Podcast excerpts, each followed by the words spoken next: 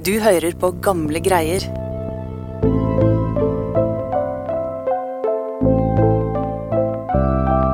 På slutten av 1800-tallet ville kong Oskar 2. av Norge og Sverige forby dødsstraff. Han mente skikken med å hogge hodet av folk på torg foran tusenvis av tilskuere var barbarisk. Men da han hørte om hva tjenestepiken Sofie Johannesdatter hadde gjort i Fredrikshall, som i dag heter Halden, ventet han rett og slett med å skrote ordningen. Så hva var det Sofie hadde gjort som fikk selveste kongen til å dra i nødbremsen?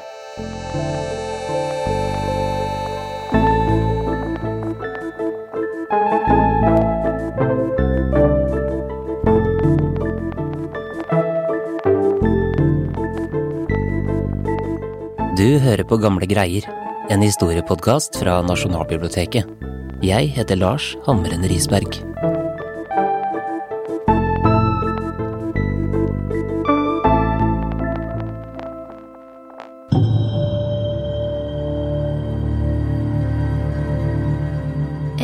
Februarkveld i 1875 så fikk politiet i Halden en ganske dramatisk beskjed. For på en av de flotteste gårdene i byen så var hovedhuset i full fyr. Og inne i huset var det en ung jente som var sperra inne mens flammene slikket oppover veggene. Live Fele Nilsen, historiker og journalist på Nasjonalbiblioteket. Heldigvis så var det en mann i nærheten som hadde løpt inn i det brennende huset og fått reddet den unge jenta ut. Så det var ingen som omkom, men det var en dramatisk og alvorlig hendelse som politiet måtte se nærmere på.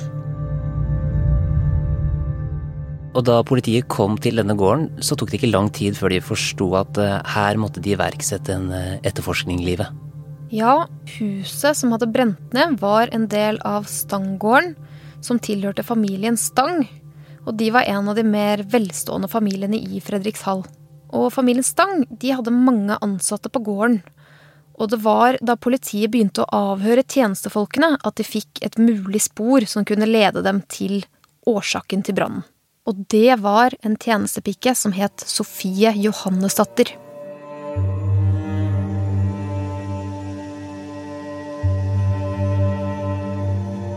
Sofie var en 29 år gammel svensk kvinne.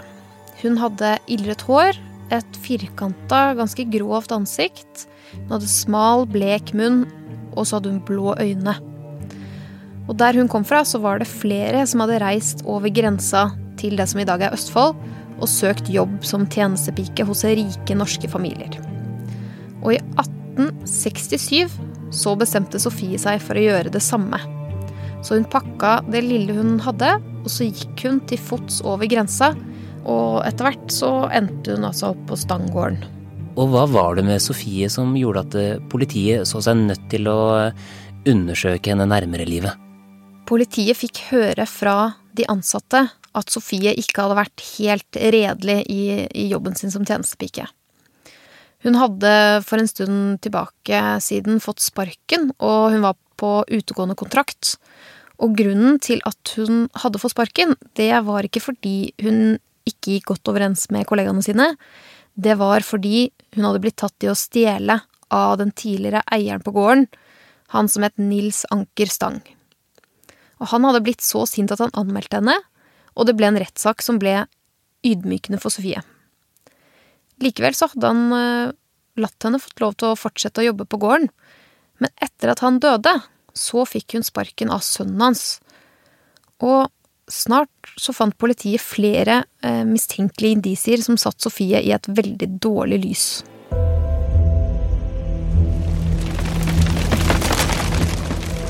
Da huset plutselig begynte å brenne, så ble det full panikk på gården. Og det var mange der ute som måtte komme seg ut i hui og hast. Og de rakk jo selvfølgelig ikke å ta med seg verdisakene sine. Men så var det én person da, som hadde tatt med seg verdisakene i sikkerhet. Før allerede det begynte å brenne. Og det var Sofie. Og det fikk politiet tips om. Og da politiet konfiskerte Sofies verdisaker, så fant de masse nye ting som hun hadde stjålet fra gården. Så her har altså politiet en tjenestepike som ingen liker, som stjeler og lyver, og som var den eneste som hadde tatt med seg verdisakene i sikkerhet rett før bygget tok fyr. Og da politiet la dette sammen, så fikk de en mistanke om at brannen kanskje ikke hadde vært noe uhell likevel. Og hva sa Sofie da hun ble konfrontert med dette av politiet? Sofie ble rasende. Hun nekta for å ha noe som helst med det der å gjøre. Eh, hun var sikkert vant til at kollegaene snakket bak ryggen hennes, men det at de hadde tipsa politiet om at hun hadde prøvd å brenne ned arbeidsplassen sin, og ikke bare brenne ned arbeidsplassen sin, men brenne i hjel eh, en, en, ung jente, det hadde fått det til å renne over for den eh, svenske tjenestepiken, og hun sto virkelig på sitt. Sofie hadde ikke noe med dette å gjøre. Men eh, likevel var politiet ikke overbevist, for jo mer de lette, jo mer eh, stusset de. Det stemmer, for det dukket opp nye ting etter hvert som gjorde at denne saken utviklet seg til noe mye verre.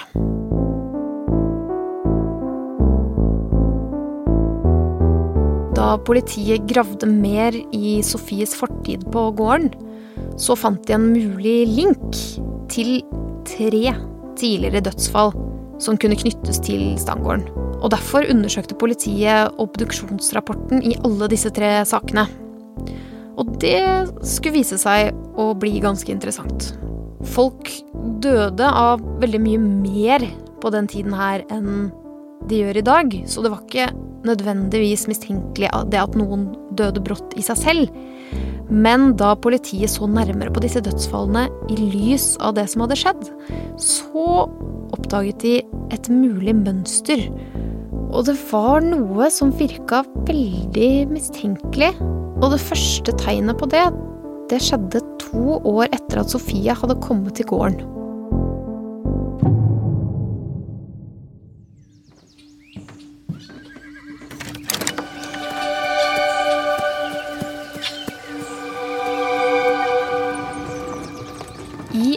1869 skulle en av tjenestepikene på Stangården, som het Maren, gifte seg i slutten av måneden. Og med det så skulle hun slutte som tjenestepike på gården. Og Maren hun var godt likt av alle kollegene sine, bortsett fra én. Sofie, som hun da stadig havnet i krangel med. Men nå som Maren skulle slutte, så så det ut til at det skulle løse seg greit. Og Maren hun sa farvel og dro av gårde og var jo klar over at bryllupet skulle stå om noen dager, og at et nytt kapittel i livet hennes var rett rundt hjørnet. Men da skjedde det noe som snudde alt.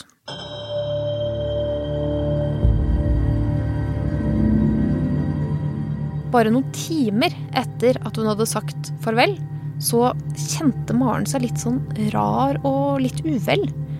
Og det ble bare verre og verre, og hun kasta opp, og hun fikk diaré, og de nærmeste rundt henne, de, de, skjønte ikke hva som hadde skjedd, men hun hadde det så dårlig at de bare måtte få henne til sykehus med en gang. Men da hun kom på sykehuset i livet, var det allerede for sent. Ja, for etter at Maren hadde ligget der i to dager, så døde hun på selve bryllupsdagen. Og dagen da kirkeklokkene skulle ha ringt for kjærligheten, så ringte de i stedet for døden. Og Maren ble begravet seks fot under på kirkegården.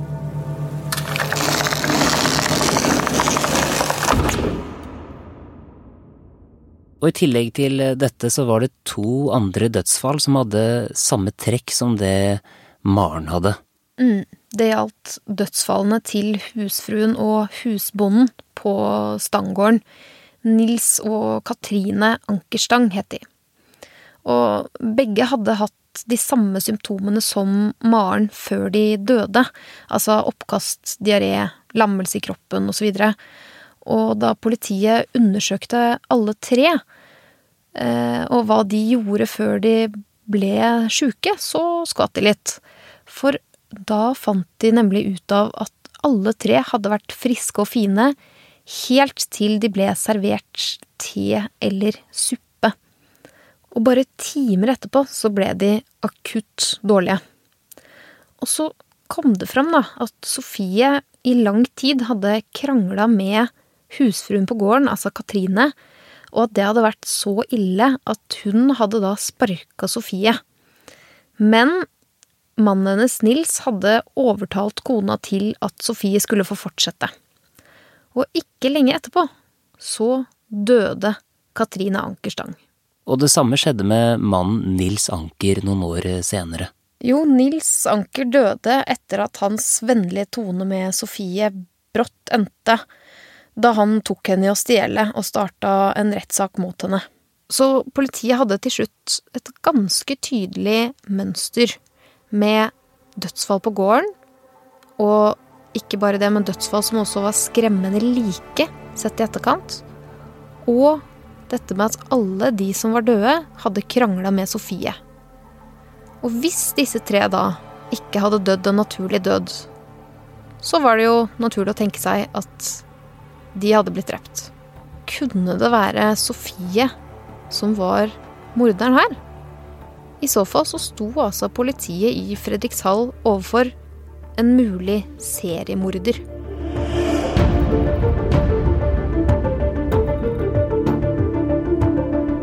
Så må det nevnes da, Liv, at eh, da Sofie fikk høre om dette, så ristet hun bare på hodet og nektet for å ha noe med drap i det hele tatt å gjøre, så da måtte politiet grave dypere for å prøve å komme nærmere en sannhet her.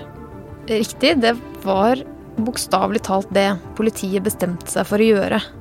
For de var altså så sikre på at Sofie ikke snakka sant, og at hun muligens hadde forgifta alle tre. Og hvordan skulle man kunne bevise det, når hun nå ikke ville tilstå? Jo, de bestemte seg da for å grave opp likene.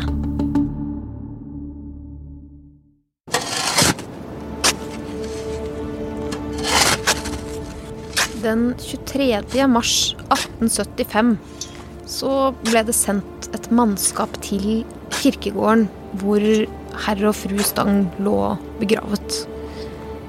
Likene ble gravd opp og sendt til det lokale sykehuset i Fredrikshall for kjemisk undersøkelse. Og håpet til politiet det var jo at man kunne finne bevis på at de hadde blitt forgifta. Og kort tid etterpå så fikk de svar. Og da hadde de altså funnet spor av arsenikk i begge likene.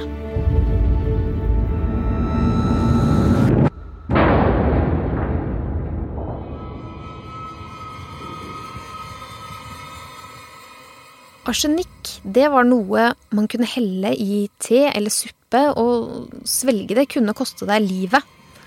Og da politiet gikk gjennom brevutveksling som Sofie hadde hatt med søsteren sin, så fant de flere bevis på at Sofie hadde bedt om å få tilsendt arsenikk.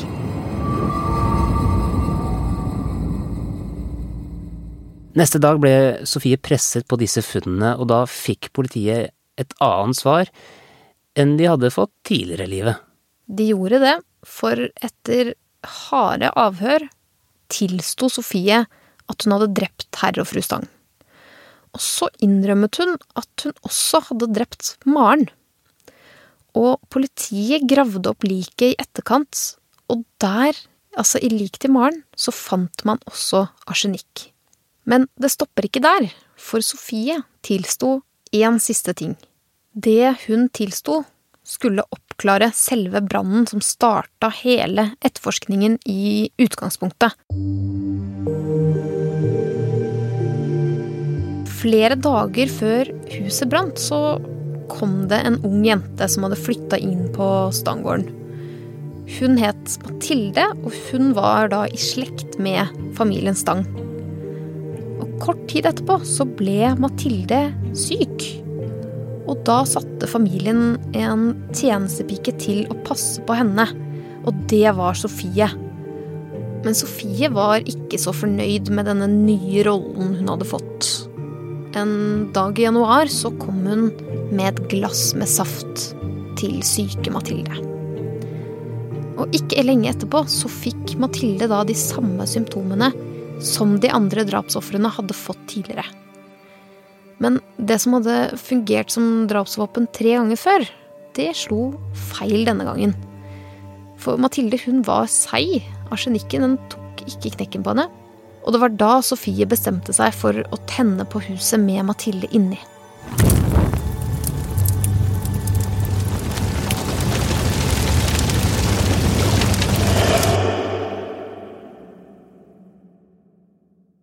Det var dette Sofie tilsto til slutt for politiet, og da tilsto hun alt hun tidligere hadde nekta for. Sofie ble dømt til døden den 19. juli 1875. Dommen blir også opprettholdt i Høyesterett i november. Men den endelige avgjørelsen ble tatt av kong Oskar 2. Kongen var sterk motstander av dødsstraff, som en av sin tids moderne menn. Men da kongen leste om Sofies gjerninger, ble han så sjokkert at han bestemte seg for å gjøre et unntak. Dette var så grusomt at kun lovens strengeste straff var nok. Tjenestepiken skulle bli henrettet med øks i Fredrikshall.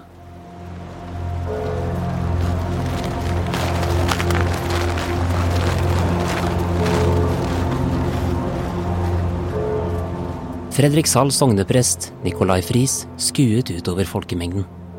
Han hadde sjelden sett så mange mennesker samlet på ett sted. Flere hadde reist fra Fredrikstad, Sarpsborg, og noen kom helt fra Strømstad for å være vitne til henrettelsen. Et stort oppmøte av soldater holdt vakt. Og da Sofie ankom rettsstedet rundt klokken halv ti, presenterte de geværene.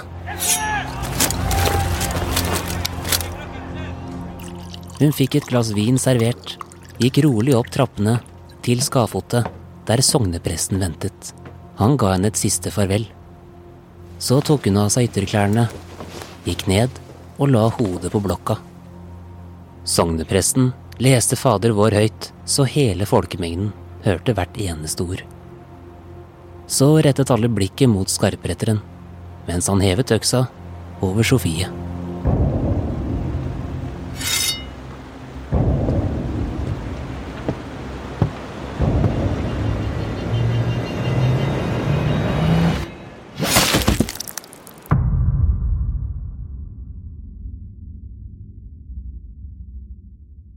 Dette var den siste kvinnen som ble halshugget i Norge, og den nest siste personen i Norge.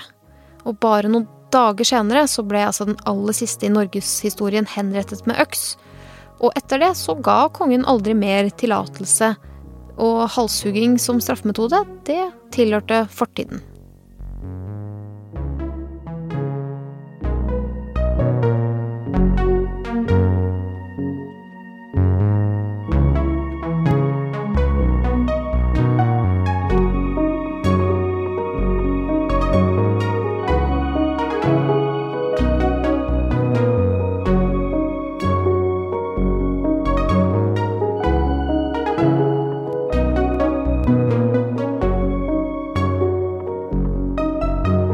Du kan lese mer om Sofie Johannesdatter på lokalhistorieviki.no, eller i boken Ondskap, de henrettet i Norge, 1815 til 1878 av Torgrim Sørnes. Du finner boken i samlingen vår på nb.no. Musikken du hørte i denne episoden er fra Epidemic Sound og Therese Aune. Du finner mer av Therese Aunes musikk på thereseaune.com, eller der du strømmer musikk til vanlig. Og denne episoden er laget av Live Ferne Nilsen og meg, Lars Hammeren Risberg. På gjenhør.